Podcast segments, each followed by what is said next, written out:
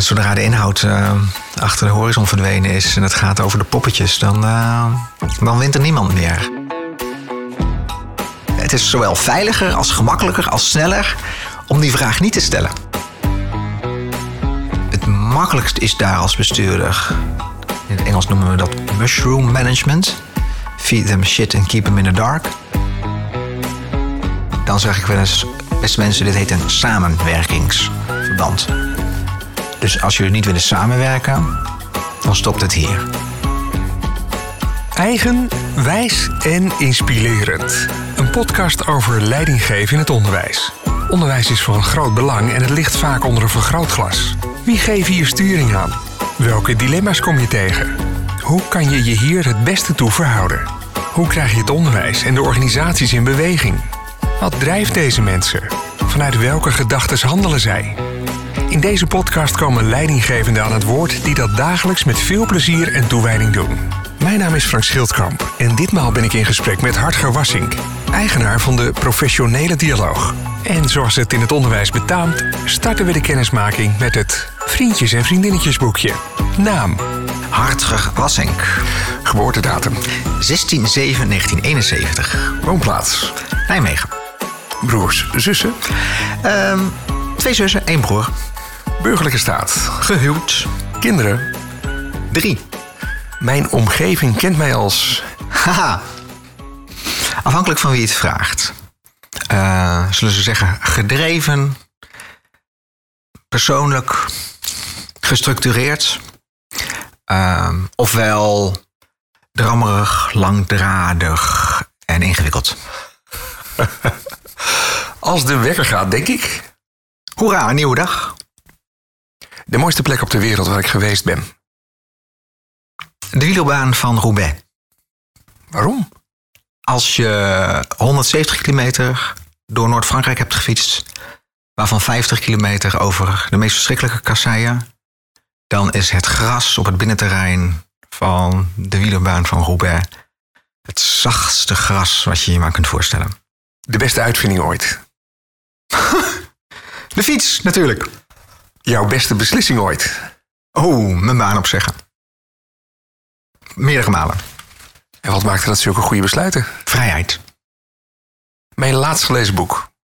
Ik ben nog bezig in uh, De Omweg van Gerbrand Bakker. Ik geef het liefste geld uit aan... Fietsen. Welke film kan je oneindig vaak kijken? um, oh, hoe heet die nou? Uh, het is niet Margin Call, maar een andere. Oh, over de financiële crisis in 2008. Hoe heet die nou? Nou, ik ben het kwijt. Maar uh, fantastische film over uh, twee jongens die een financieel bureautje beginnen. En dan gaan, zeg maar, gokken op de instorting van de huizenmarkt in 2008. En niemand gelooft ze. En dat gebeurt ook toch, hè, dat weten we allemaal. Ik vind het een fantastische film over nou, ook bestuur en toezicht, uh, hoe dat werkt en hoe we ons laten verblinden. Nou, menselijk tekort. Ik ga nadenken over hoe dat, wat de titel is van, van die film. Maar die film en, en Margin Call, dat is een vergelijkbare film, ook over uh, persoonlijk psychologisch tekortkomen van mensen in rollen van bestuur en toezicht. En wat doe je als je niet met werk bezig bent en je mag niet fietsen zeggen? Piano spelen. Je probeert het net, maar dit ben ik samengevat in drie woorden. Oh, nee, dat vind ik echt, onge vind echt onmogelijk. Um, drie woorden. Ja, ik, fiets is dan toch één. Ik, ik, hecht sterk aan mijn onafhankelijkheid. Dat is twee. Uh, en integriteit vind ik ook echt heel belangrijk. We zitten nu bij jou op kantoor. Ja. Uh, hoe lang is dit al je kantoor? Hoe lang doe je dit? Um, dit als zelfstandig adviseur doe ik vijf jaar. Uh, dat kantoor heb ik denk ik een jaar of drie of zo. Ik werkte vanuit huis, maar ik werd daar een beetje... Uh, ja, dan zit je altijd maar thuis als je niet naar een klant bent. Dus uh, ook mijn vrouw vond het een heel goed idee dat ik dan uh, af en toe eens uh, ook het huis uit was. Dus toen heb ik een kantoor op fietsafstand gekozen. En dat is hier in Beek bij Nijmegen. Prachtig dorpje bij Nijmegen. Dat ga ik meteen bevestigen. Ja. Hey, neem eens mee. Je kwam van de basisschool af. Ja. Je loopbaan. Nou, uh, ik kwam van de basisschool af. En dan is het ook, denk ik, in onderwijscontext interessant of relevant om te vertellen dat ik op de basisschool gepest werd. Uh, ik had niet zo'n hele fijne tijd, zacht uitgedrukt, op de basisschool. Uh, toen ik naar de middelbare school ging, toen uh, begon dat pesten opnieuw. Al in de eerste week. En uh, toen dacht ik van, nou ja, zeg, dat gaat toch niet gebeuren. En toen uh, was er een jongen, en die was denk ik twee koppen groter dan ik. En toen heb ik een enorme dreun gegeven in zijn, uh, in zijn middenrif, in zijn maag. Kon ook niet hoger mikken, want ik was klein en hij was groot. Maar die kwam zo goed aan dat de jongen dubbel klapte en uh, op, de, op de grond bleef liggen. Um, ik weet niet meer hoe het daarna verder is gegaan. Ik ben daar volgens mij nooit voor gestraft. Het pest hield op. Um, dus dat is wel een soort uh, herinnering. Ik vond de middelbare school ook vreselijk. Ik heb ontzettend veel gespijbeld. Ik heb geen idee hoe ik mijn VWO gehaald heb. En daarna dacht ik, ik ga studeren. En ik ga zo ver mogelijk weg studeren. Uh, iedereen ging in Groningen en Amsterdam studeren.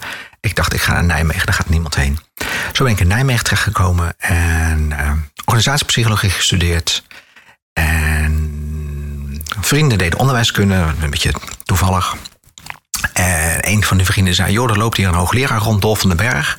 En die doet colleges, dat vind jij vast heel interessant. En uh, helaas inmiddels overleden Dolf van den Berg, die uh, gaf colleges over onderwijsvernieuwing.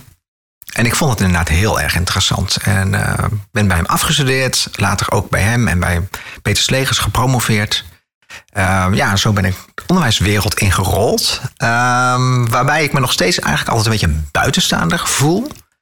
Ik heb altijd nog idee, als, als dit project klaar is, dan ga ik wat anders doen. Maar dan komt er toch weer een nieuw project. Um, dat is ook niet helemaal eerlijk dat ik dat nu zeg. Want onderwijs heeft wel een bepaalde fascinatie.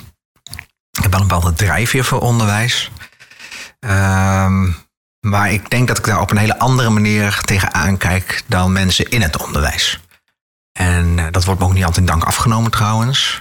Maar dat heeft dan weer te maken, denk ik, met mijn achtergrond als organisatiepsycholoog en nou, andere ervaring. Ja, en mijn loopbaan. Ik heb dus promotieonderzoek gedaan en ik heb daarna uh, op allerlei plekken gewerkt als adviseur en als onderzoeker. Uh, allemaal tijdelijk. Uh, of ik zei mijn baan op, omdat ik zelf dacht dat ik aan het eind was van wat ik ergens kon toevoegen. Ehm, ja, en op een gegeven moment toen dacht ik van nu is het tijd om voor mezelf te beginnen. En met, met welke vraagstukken ging je dan uh, op dat moment vooral. Uh, ja, nou, mijn advieswerk dat, dat, dat uh, concentreerde zich steeds meer op niveau van bestuur en toezicht. Dus toen ik adviseur werd in 2003, toen had je net de grote lump sum operaties in PO en VO. Dat betekende dat de directeuren met wie wij werkten toen als adviseurs, die werden van directeur, algemeen directeur, werden die bestuurder. En wat ze dan als bestuur hadden, dat werd raad van toezicht. En iedereen had daar vragen over, van wat is dat eigenlijk een raad van toezicht? Uh, nou, daar ben ik toen gaan inlezen, ook een, een, een, opleiding voor gevolgd. Ja, en dat wordt dan gaandeweg, wordt dat je specialiteit op de een of andere manier. En de vraagstukken waar ik me mee bezig hou is met name op dit moment het meer systematiseren, structureren van de verhouding tussen bestuur en toezicht. Ik werk graag met toezichtkaders. En daar ontwikkel ik dan aan de ene kant een benadering van op papier, van wat spreek je nu af tussen bestuur en toezicht. En uh, aan de andere kant ja, moet je bestuur en toezicht gaat per definitie altijd over datgene wat nog onduidelijk is. Dus je kunt dat maar tot op zekere hoogte structureren. Aan de andere kant moet je daar de ruimte zoeken in de dagelijkse praktijk. In hoe je daar met elkaar het samenspel mee doet. Uh, dat is aan de andere kant. Dus ik begeleid ook veel op proces. Uh, bestuur en raden van toezicht. Van ja, hoe doe je dit nou op een soepele manier, maar iedereen wel vanuit een goede rol. Dus dat is telkens de balans zoeken tussen papier en proces. Dat is eigenlijk waar ik me veel mee bezig hou. En wat maakt nou dat ze jou bellen? Wat neem je mee aan tafel? Um, ja, dat vind ik altijd moeilijk om over mezelf te zeggen. Maar wat ik teruglees in mijn evaluaties... is dat ze het veel verhelderend vinden. Dus een bepaalde structuur die ik aanbreng. Um, en dat ik, dat ik op de een of andere manier hun houvast geef in het rolonderscheid. Dat is eigenlijk ook heel interessant hoor. Dat is ook iets wat me enorm bezighoudt. Uh, dat in al die jaren uh, mensen het nog steeds heel moeilijk vinden om uh, de rollen van bestuur en toezicht van elkaar te onderscheiden. En het is in de praktijk af en toe ook wel eens ingewikkeld, dat wil ik best toegeven. Maar ik, ik, vind in de basis kun je best heel scherp die rollen definiëren. Maar waar gaat het fout? nou ja, ik noemde die twee films al. En ik moet toch die, echt die naam van die film, ik had het even moeten opschrijven. Eh, het gaat fout op het menselijk tekort. Dus uh, het gaat fout op uh, ja, de psychologische processen. De angst om dingen uit handen te geven, ehm, groepsdruk, uh, groupthink. Dus dat, je, dat het heel moeilijk is om onafhankelijk te blijven als andere mensen allemaal zeggen van we gaan A doen en jij denkt nou ik denk toch echt B. Dan is het heel moeilijk om dat vast te houden. Daar gaat het op fout. Uh, ego, ook wel een beetje status, gaat het ook wel een beetje op fout. Uh, helaas, soms zijn er toch mensen in een raad van toezicht hè, met alle bestuurlijke ervaring die ze zelf meenemen dat die soms toch vinden dat ze het zelf beter kunnen doen dan de bestuurder eh, op wie ze moeten toezien. Nou, die gaan ze dan toch iets meer als, als superbestuurder gedragen. Uh, die vinden het moeilijk om dat, uh, dat, om zich daarin in te houden. Het gaat vaak over erkenning en eer. Dus een bestuurder die aangesproken wordt door de Raad van Toezicht. Zo van, nou, je hebt hartstikke goede ideeën, maar we gaan toch hier en daar even een paar kaders stellen. Hier en daar vinden we die risico's toch te groot. Uh, dan zijn er bestuurders die dat toch voelen als een soort ja, gebrek aan erkenning voor de goede ideeën die ze hebben. En dat, dat snap ik heel goed. De bestuurlijke rol is vaak best een eenzame rol. Dus dan is het moeilijk soms om te horen dat het nog niet goed genoeg is. Nou, dan komen er soms allerlei onderwaterprocessen. Dan gaat het niet meer over de inhoud, maar dan gaat het over uh, wie is er hier de baas. Ja, en zodra de inhoud uh, achter de horizon verdwenen is en het gaat over de poppetjes, dan, uh, dan wint er niemand meer. Zeker de kinderen niet. Maar zou het verandert jouw rol dan ook meteen in een uh, mediation uh, of mediator? Of? Nou, mediator niet. Ik, ik, ik, er zijn een paar dingen die ik niet doe. Dus coaching en mediation. Ik vind daar moet je een opleiding voor hebben gedaan. Heb ik niet gedaan. Ik ben dan wel psycholoog. Maar goed, nog, dat, ja, denk ik dat dat zijn mensen die dat er weer heel gestructureerd aanpakken. Kijk, ik, ik begeleid natuurlijk wel eens ingewikkelde processen. Dus ik begeleid wel ingewikkelde processen. Uh, tussen, ingewikkelde gesprekken tussen mensen. ik, ik weet niet of ik dat mediation zou moeten noemen. Maar dan zet ik gewoon even, de, probeer ik met hun de dingen op een rijtje te zetten. Waar gaat het hier nu over? En hoe komen we hier een stap verder? Deze podcast gaat een beetje over leiderschap. Hè? Wat is jouw visie op leiderschap in het onderwijs? Um, nou, ik heb ooit een boekje geschreven. Dat had de titel Er zijn als leider. Uh, even een stukje reclame, daar is net een nieuwe versie van uh, uit. Uh, een dubbel boek, Er zijn als leider met het nieuwe boek leider zijn in dialoog. Maar mijn visie op leiding geven is dus er zijn. Dat is het eigenlijk het allerbelangrijkste. Um, en er zijn in de zin met je aandacht bij het proces zijn. Um, wat jouw verantwoordelijkheid is. En dat is ook best belangrijk, want voor je het weet, zeker als bestuurlijk leider, schiet je door in allerlei dingen regelen en organiseren. Maar dat is niet wat je, wat je rol is. Dus je moet je heel goed bepalen bij wat is nou ja, wat is nou hier mijn toegevoegde waarde waarvoor ik er echt ben? Dat is de ene kant van er zijn. En de andere kant is ja, er zijn in het hier en nu met de mensen met wie je het, het, het doet. Um, en dat, dat, dat vraagt dat je af en toe ook meer moet opletten dat je niet doorschiet in alle routines, de formele rollen waar je in zit, maar af en toe misschien ook gewoon eens eventjes letterlijk ademhaalt en de kring rondkijkt en, en bekijkt van ja, hoe zitten we eigenlijk hier nu met z'n allen? En wat, wat, wat doen we hier eigenlijk? En wat willen we eigenlijk? En zijn we wel aan het doen wat we willen? Herken je situaties waar je dat daadwerkelijk ook doet? Ja, ik denk dat ik dat best regelmatig doe. Uh, misschien niet zo heel confronterend, maar ik denk, denk dat ik in mijn advieswerk telkens uh, de bestuurders en toezichthouders bij die vraag probeer te brengen. Van, dat klinkt zo eenvoudig, want het ja. gebeurt het bijna. Hè?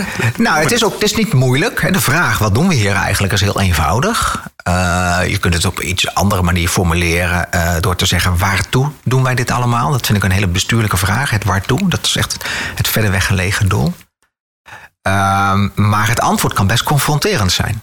En dat is de reden, ik had het al over het menselijk tekort, dat is de reden dat uh, die vraag toch vaak vermeden wordt. Het is veiliger om het te blijven doen zoals het altijd al deed, want dat hoef je niet uit te leggen, want dat is normaal. Uh, maar om voor te stellen van mm, mensen, ik heb het idee dat we dingen wel eens anders zouden moeten doen om te bereiken wat we eigenlijk willen bereiken zonder dat je precies weet wat dat dan zou moeten zijn, ja, dan creëer je meteen een stuk onveiligheid. dat is punt één. Van oké, als we niet meer mogen doen, of mogen, maar als we niet meer doen wat we altijd al deden, ja, wat dan? De verandering is altijd spannend. Tweede wat er gebeurt, is dat als jij dat initiatief neemt, als jij zegt van oké, kan het ook anders, dan ben jij ook verantwoordelijk. Ja, jij, was, jij vond dat we het anders moesten gaan doen. Nou, kijk wat er van geworden is. Dat risico loop je onmiddellijk als je een voorstel doet om iets anders te gaan doen. Dus dan is het ook weer, hè, het is zowel veiliger als gemakkelijker als sneller om die vraag niet te stellen. En dan uh, kunnen bepaalde dingen heel lang op een bepaalde manier doorgaan. Terwijl iedereen van een afstandje kijkt en denkt van nou, gaat dat wel goed? Als we dan inzoomen op die, op die rollen, uh, wat, wat gun je veel bestuurders en uh, toezichthouders daarin? Er zit een soort wens achter je ja, ja. pleidooi. Dat zij, ehm, klinkt een beetje negatief, dus zo bedoel ik dat niet, maar dat ze hun, hun angst leren bezweren.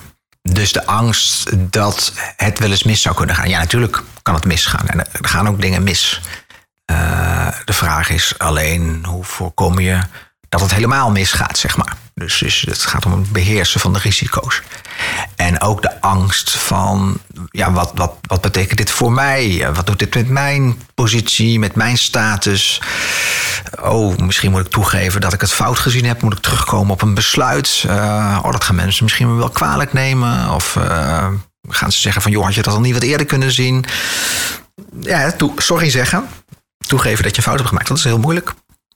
En uh, nou, ik gun bestuurders en ook toezichthouders dat ze die ruimte voor zichzelf en voor elkaar maken. Om af en toe even terug te kunnen komen op een, uh, op een mening of een uh, besluit.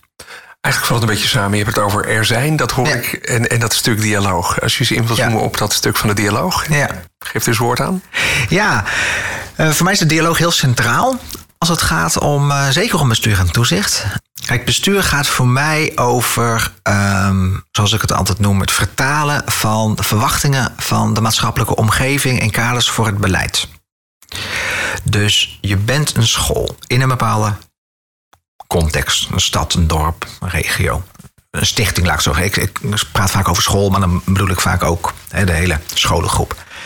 Um, die omgeving, zo'n stad, die heeft bepaalde verwachtingen van wat jouw school toevoegt. waarom is jouw scholengroep zelfstandig? Waarom heeft jouw scholengroep een bepaalde naam of een bepaalde achtergrond? Kan met een, een levensbeschouwelijke denominatie te maken hebben. Kan ook met een bepaalde pedagogische oriëntatie te maken hebben. Um, daar zitten wel de maatschappelijke waarden in die je, die je creëert. En dit zijn allemaal van die bla bla woorden, maar ik, maak, ik, bedoel, dat heel concreet. Um, als jij, nou kijk bijvoorbeeld naar een ROC. Als jij um, beroepsbeoefenaar aan het opleiden bent voor een bepaalde regio, is het heel belangrijk na te gaan in wat voor regio zitten we eigenlijk? Wat voor bedrijven zitten hier? Hoe ontwikkelen die bedrijven zich? Welke bedrijfstak is, is een beetje aan het, aan het zeg maar, uh, in, de, in, de achteruitgang, in de neergang? Welke nieuwe bedrijfstakken komen, komen op? Hoe gaan we daar de komende 10, 20 jaar mensen voor, uh, op voorbereiden? Um, en dat is anders in, uh, nou ja, we zitten hier in uh, Zuidoost-Gelderland, uh, Noord-Limburg is niet ver weg, Zuidoost-Brabant is niet ver weg, met hele problematiek van stikstof en boeren. nog iets verder weg, maar ook niet zo heel ver weg, is Eindhoven. Met die enorme opkomst daar in de ICT-industrie. de Achterhoek is een, ook niet ver weg hier. Uh, Achterhoek klinkt een beetje achtergesteld, maar verre van. Er zitten een aantal heel internationaal georiënteerde maakbedrijven zitten daar. Uh, dus daar heb je over, over na te denken. Van wat, wat voegen wij toe? Ehm, en dat is niet vanzelfsprekend. Er, is niet, er ligt nog niet een handboek bestuurder uh, in het onderwijs in Zuidoost-Gelderland ligt niet klaar.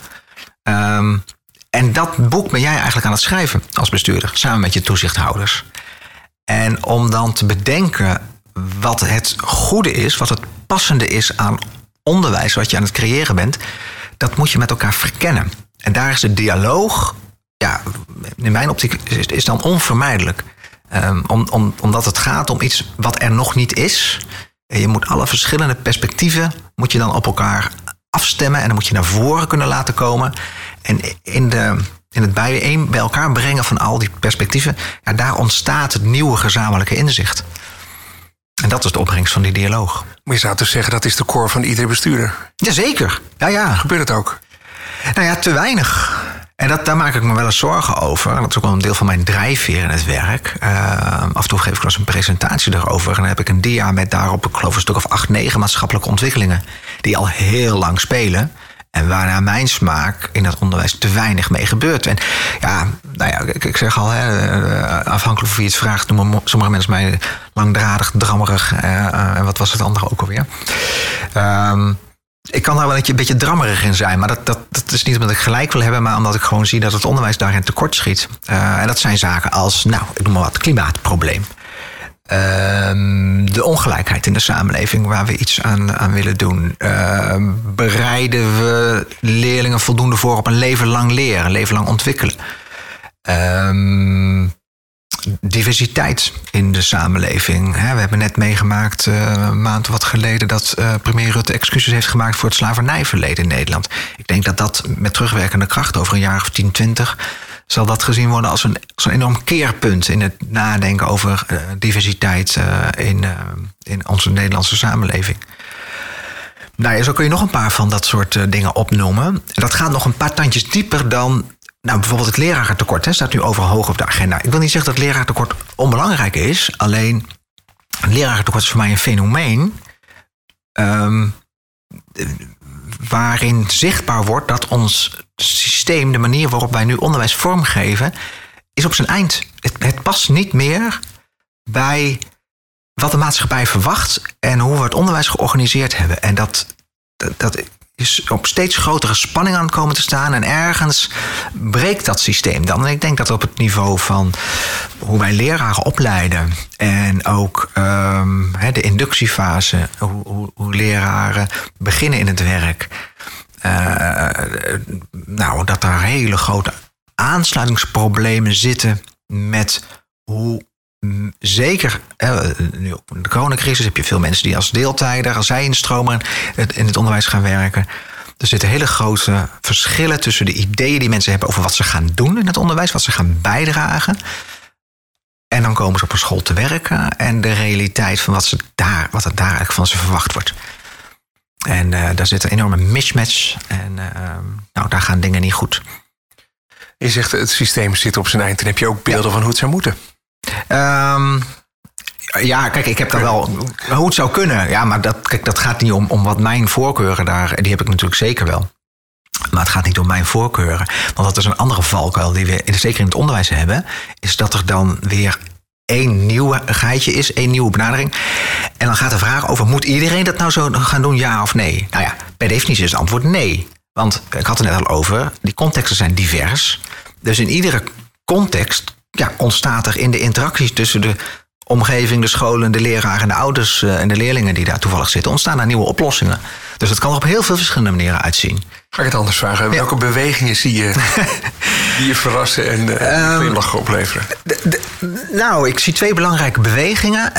Eén beweging, laat ik maar twee extreme pakken, eh, die ik wel echt aan elkaar koppel. Ehm, de, de Agora-scholenbeweging, die vind ik heel, eh, heel mooi, omdat die heel zuiver uitgaan van eh, intrinsieke motivatie, zowel van leraren als van leerlingen.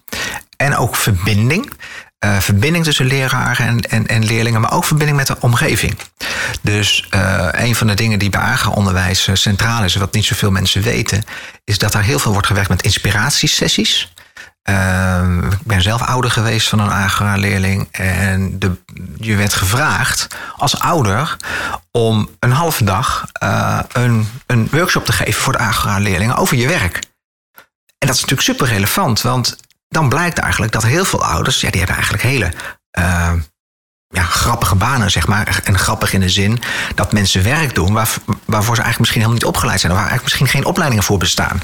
Maar dat is wel het reële werk wat die, wat die ouders doen. En leerlingen vinden dat super interessant om echt te kijken van hé, hey, wat doen die ouders eigenlijk? En, en je, je ziet echt op die inspiratiesessies, daar ontstaan vonkjes. Daar, zijn, zijn, daar zien leerlingen plotseling, hé, hey, dit vind ik interessant.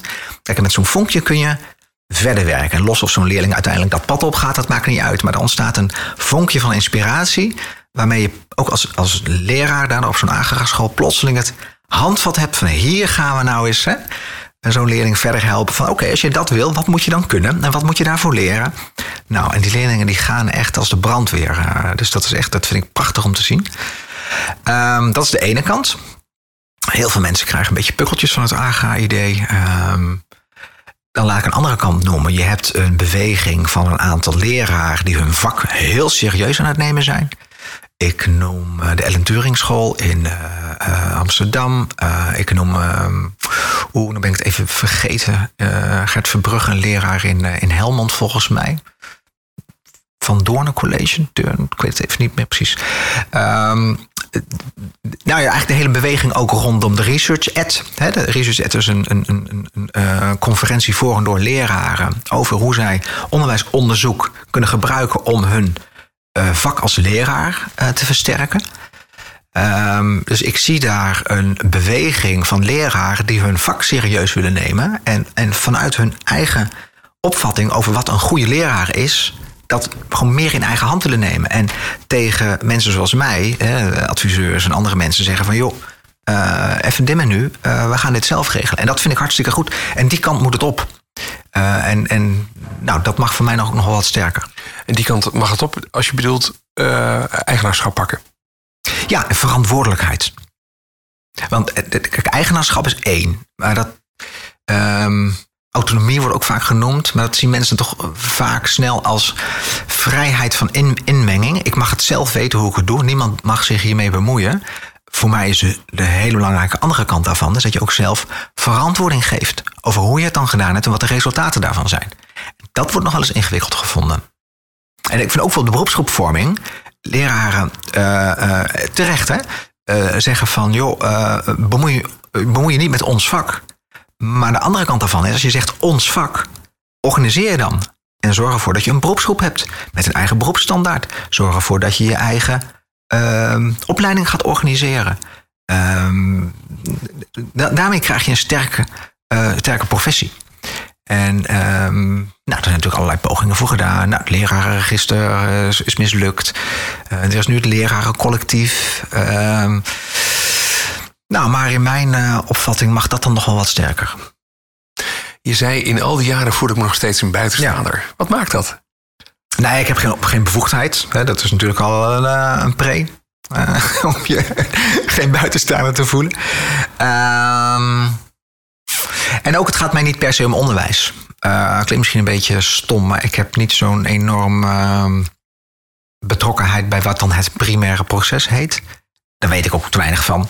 Ik heb wel eens wat vrijwilligerswerk gedaan op de, ooit op de basisschool. En uh, wat gastlesjes ook wel eens. Uh, ik heb natuurlijk zelf zo'n aangegaan workshop gegeven ooit. Uh, het gaat mij echt om, om onderwijs als maatschappelijke functie. Uh, om, om, om maatschappelijke problemen in brede zin te helpen oplossen. Een groot woord. Oplossen gaat niet lukken. Maar in ieder geval met die problemen aan de slag te gaan. Als we kijken bijvoorbeeld naar ongelijkheid. Uh, laat ik even beperken tot economische ongelijkheid. Uh, nou, dan we weten al decennia, misschien al wel 50 jaar... dat onderwijs daar ook een versterkend effect in kan hebben. Uh, de scholen die het goed doen staan in goede wijken. Daar gaan liefst de goede leraren uh, werken. De scholen die het minder goed doen staan in de minder goede wijken. Nou, die krijgen ook de minder goede leraren. Dus de leerlingen die het eigenlijk al goed hebben vanuit huis uit... die krijgen ook nog eens een keer de beste leraren. Nou, dat is natuurlijk hartstikke krom. Uh, en die krijgen ook nog eens een keer bijles. Hè? Want dat kunnen die ouders allemaal makkelijk betalen. Dus die, die, die leerlingen op de goede scholen... die hebben bij wijze van spreken van, van s ochtends acht tot s middags vier... hebben die een, vol programma. Qua met goede lessen en nascholing wat nodig is... of bij, bijles wat nodig is. Terwijl die andere leerlingen, ja, uh, als ze al op tijd naar school worden gebracht, dan uh, worden ze om drie uur naar buiten geschoven en uh, mogen ze het op straat uitzoeken, zodat ze thuis weer, weer welkom zijn. Dus eigenlijk moet je dat omdraaien. Maar goed, dat, dat, kunnen scholen niet alleen, want iedere school krijgt dezelfde bekostiging. Um, dus je moet in die, in die wijken, nou dat zie je natuurlijk ook nu op allerlei manieren gebeuren je kunt dit niet oplossen zonder dat je gaat samenwerken met de gemeente, met wijkwerk, met jeugdzorg, uh, met sportverenigingen bijvoorbeeld. Um, je ziet ook een hele mooie constructie bijvoorbeeld van uh, in primair onderwijs, uh, um, zeg maar multifunctionele gebouwen. Dus waarbij, ook een gekke combinatie, waarbij kinderopvang, onderwijs en ouderenzorg in één gebouw zit. Waarbij de, de peuters en de kleuters gaan tekenen en liedjes gaan zingen met de ouderen die in zo'n eh, ouderenzorgvoorziening wonen. Uh, en die daardoor weer terugkomen in hun eigen kindertijd. Uh, nou ja, dat aan alle kanten hè, krijg je daarmee, versterk je de gemeenschap in zo'n uh, in zo'n wijk. En ja, ik denk dat dat uh, constructie zijn waar we steeds meer naartoe uh, zullen moeten gaan. Dus kijk, in het onderwijs praten we nog steeds over, over verschillende sectoren. Hè? Dus als we het over verschillende sectoren hebben, dan wordt PO, VO, MBO. Maar ik denk dat we daar heel snel mee moeten stoppen. En juist nog naar, nog naar heel andere sectoren moeten kijken. Dus wat ik al zei, sport, ouderenzorg, uh, welzijn. daar zitten de grote uitdagingen. Je, je bent veel met bestuur en raad van toezicht bezig. Wanneer dacht je, yes, dit is wel heel erg tof? nou, niet yes, maar dit is wel heel erg tof. Ik zou eerder zeggen, dit is interessant. Kijk, ik ben als organisatiepsycholoog opgeleid met het idee... Um, je moet eerst weten wat het doel van de organisatie is. En als je weet wat het doel van de organisatie is... weet je hoe je de organisatie kunt inrichten. In het onderwijs, toen ik daarin rolde, zo'n 20, 25 jaar geleden... zag ik twee interessante dingen. Namelijk, de structuur van de organisatie ligt vast.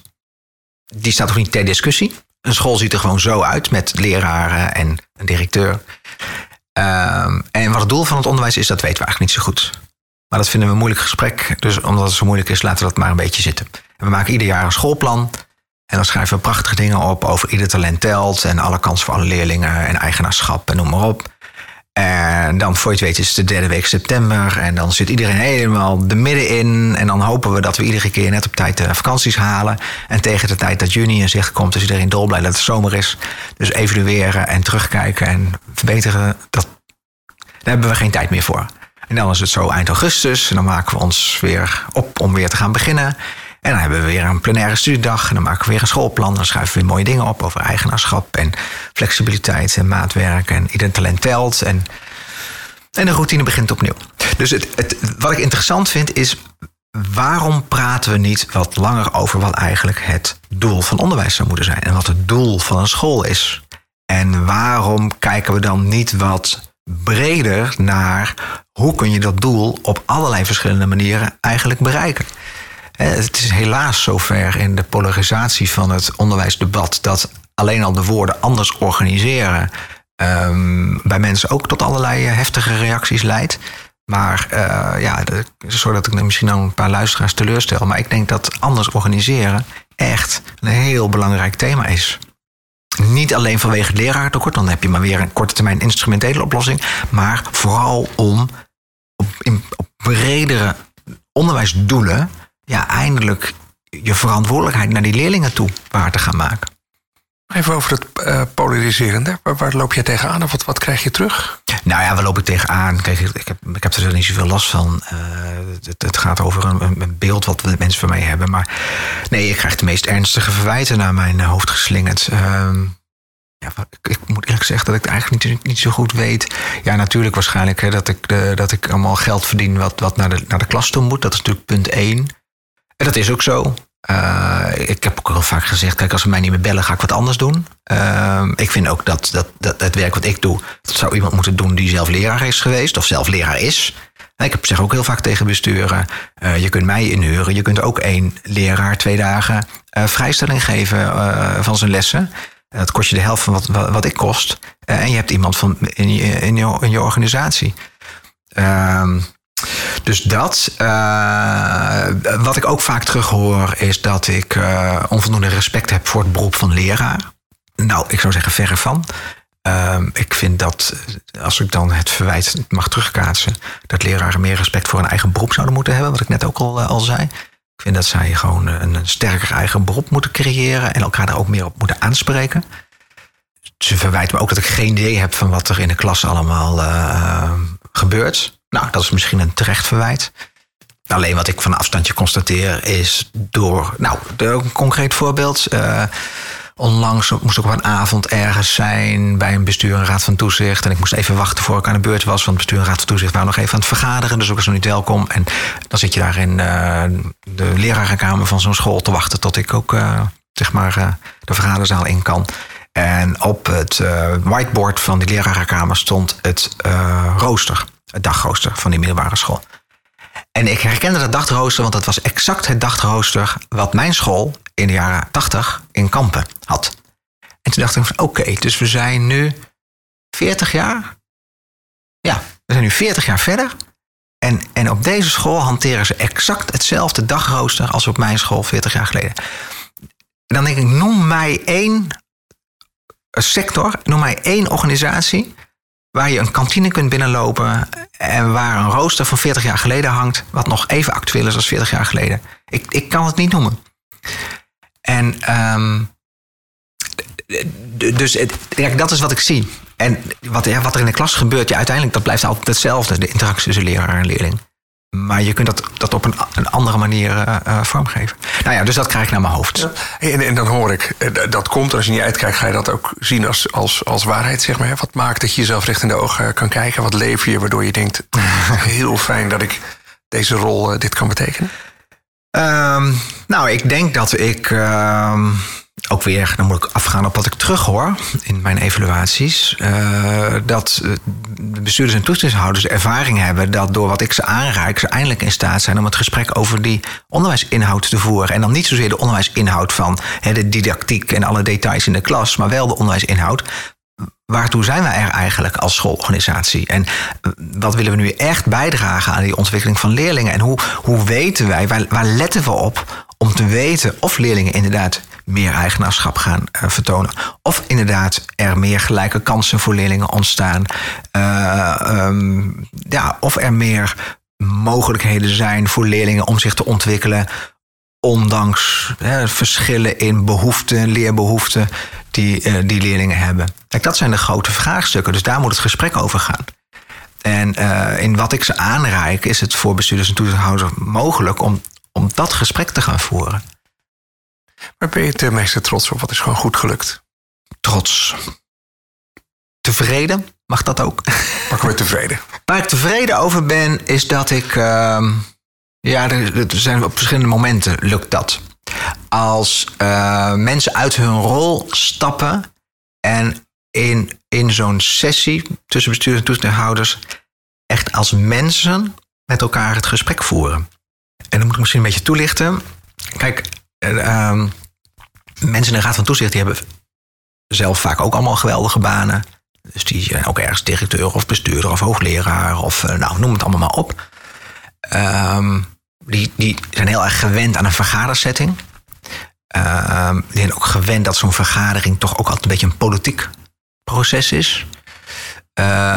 Dus die zijn gewend dat in zo'n vergadering het soms niet gaat over waar het over moet gaan, maar dat het gaat over wat er ja, dan in formele zin op de agenda staat. Ja, technisch wenselijk. Ja, en dan komt er ook allemaal jargon komt er naar voren. Um, en dan gaan mensen allemaal, uh, ik zeg altijd Japke D. Bauma taal gebruiken. Ik weet niet of je Japke D. Bauma kent, maar die schrijft heel interessant over hoe mensen op kantoor met elkaar omgaan. Dat willen mensen niet, maar dat, dat gebeurt nou eenmaal. Hè. Dat is weer dat groepsproces waar, waar je heel makkelijk in mee wordt gevoerd en waar het heel moeilijk is om daarin. Systeem. Ja. En waar ik tevreden over ben, is als het ze lukt dat ze zeg maar dat die, die, die, die, dat, dat, die schil kunnen afleggen. En dat ze echt zitten van, vanuit hun betrokkenheid. Want ook, dat, dat wordt wel eens aan getwijfeld, maar vrijwel alle toezichthouders en bestuurders die tegenkomen, die doen het vanuit een enorme betrokkenheid bij die scholen en bij die leerlingen en bij onderwijs.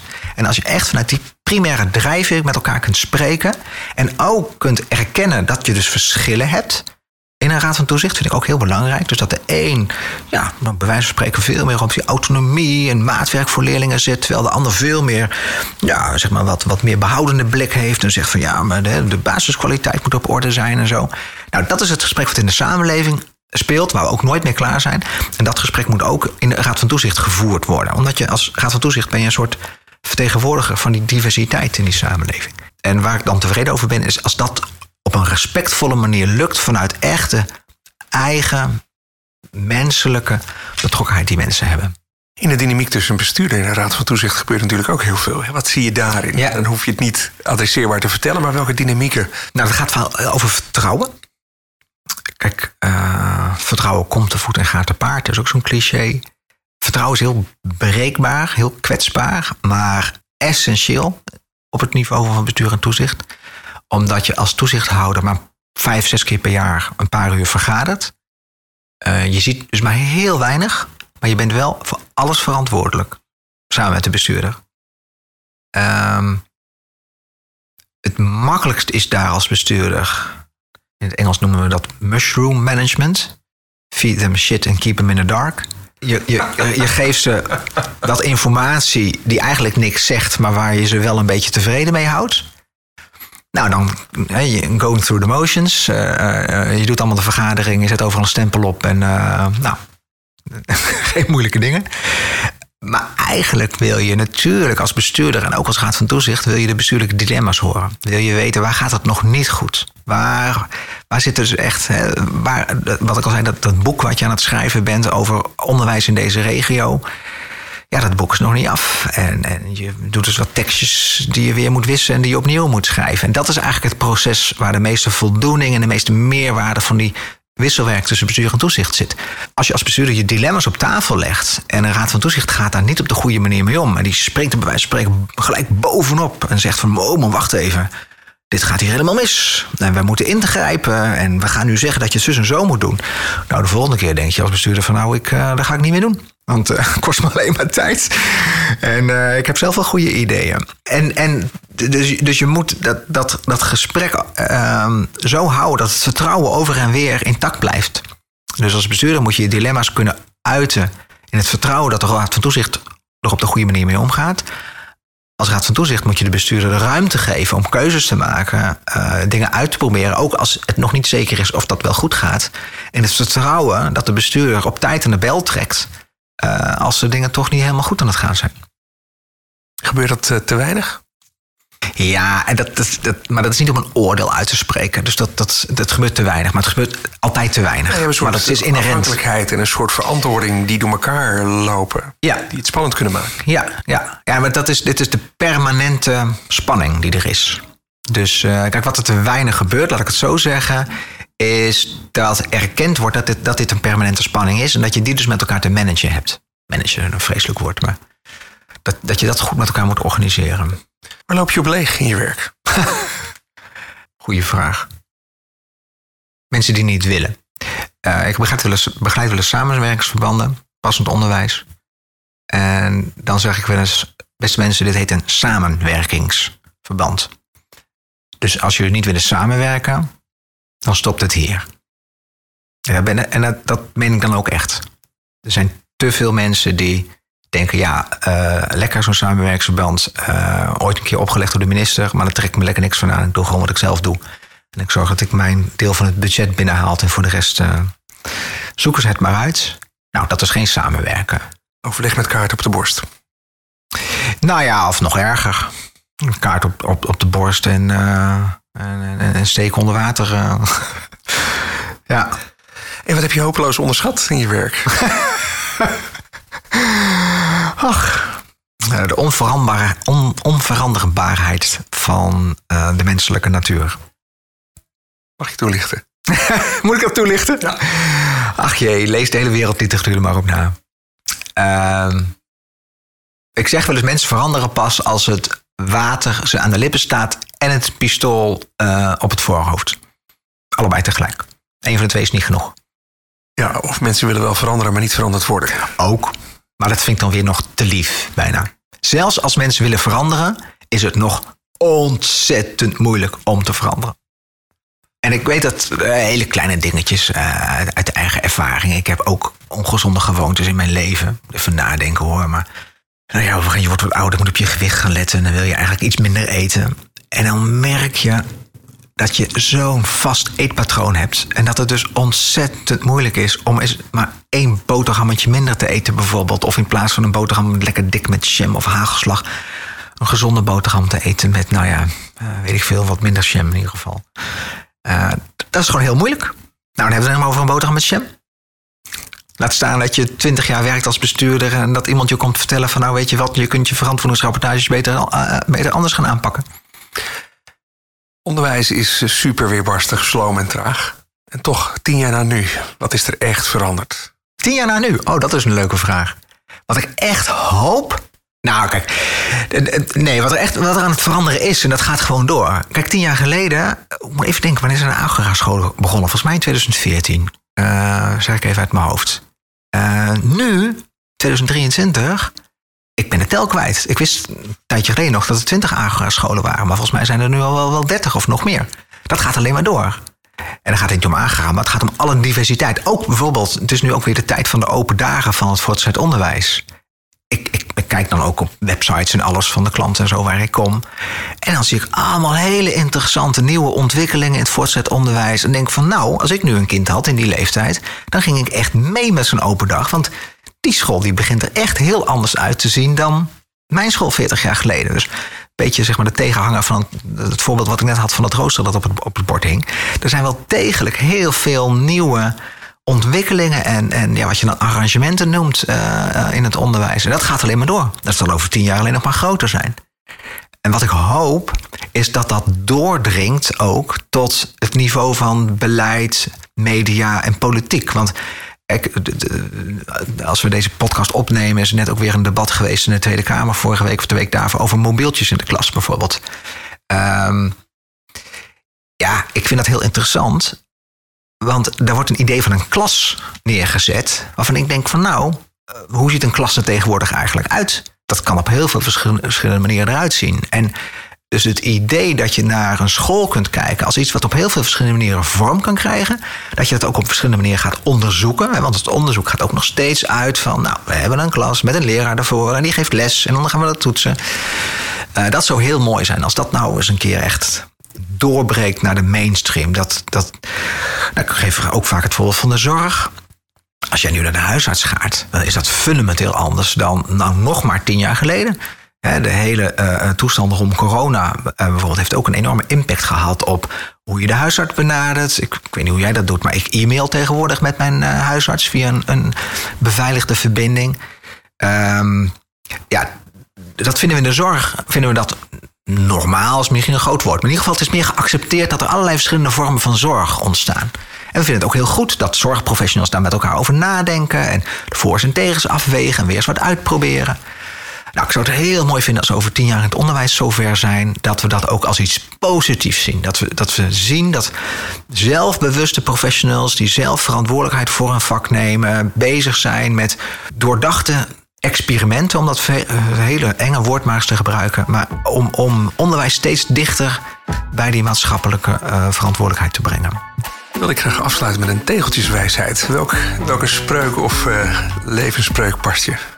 Geen goeroes, geen dogma's. Aan het woord was uh, Hartger Wassing, dankjewel. Heel graag gedaan. In navolging op het gesprek, het gaat om de film The Big Short. En wellicht nog als betere tip geeft Hartger de film The Post met Meryl Streep en Tom Hanks aan. Welke inspirerende leidinggevende wil jij wel eens aan het woord horen? Laat het me gerust weten via frank.schildkamp.bmc.nl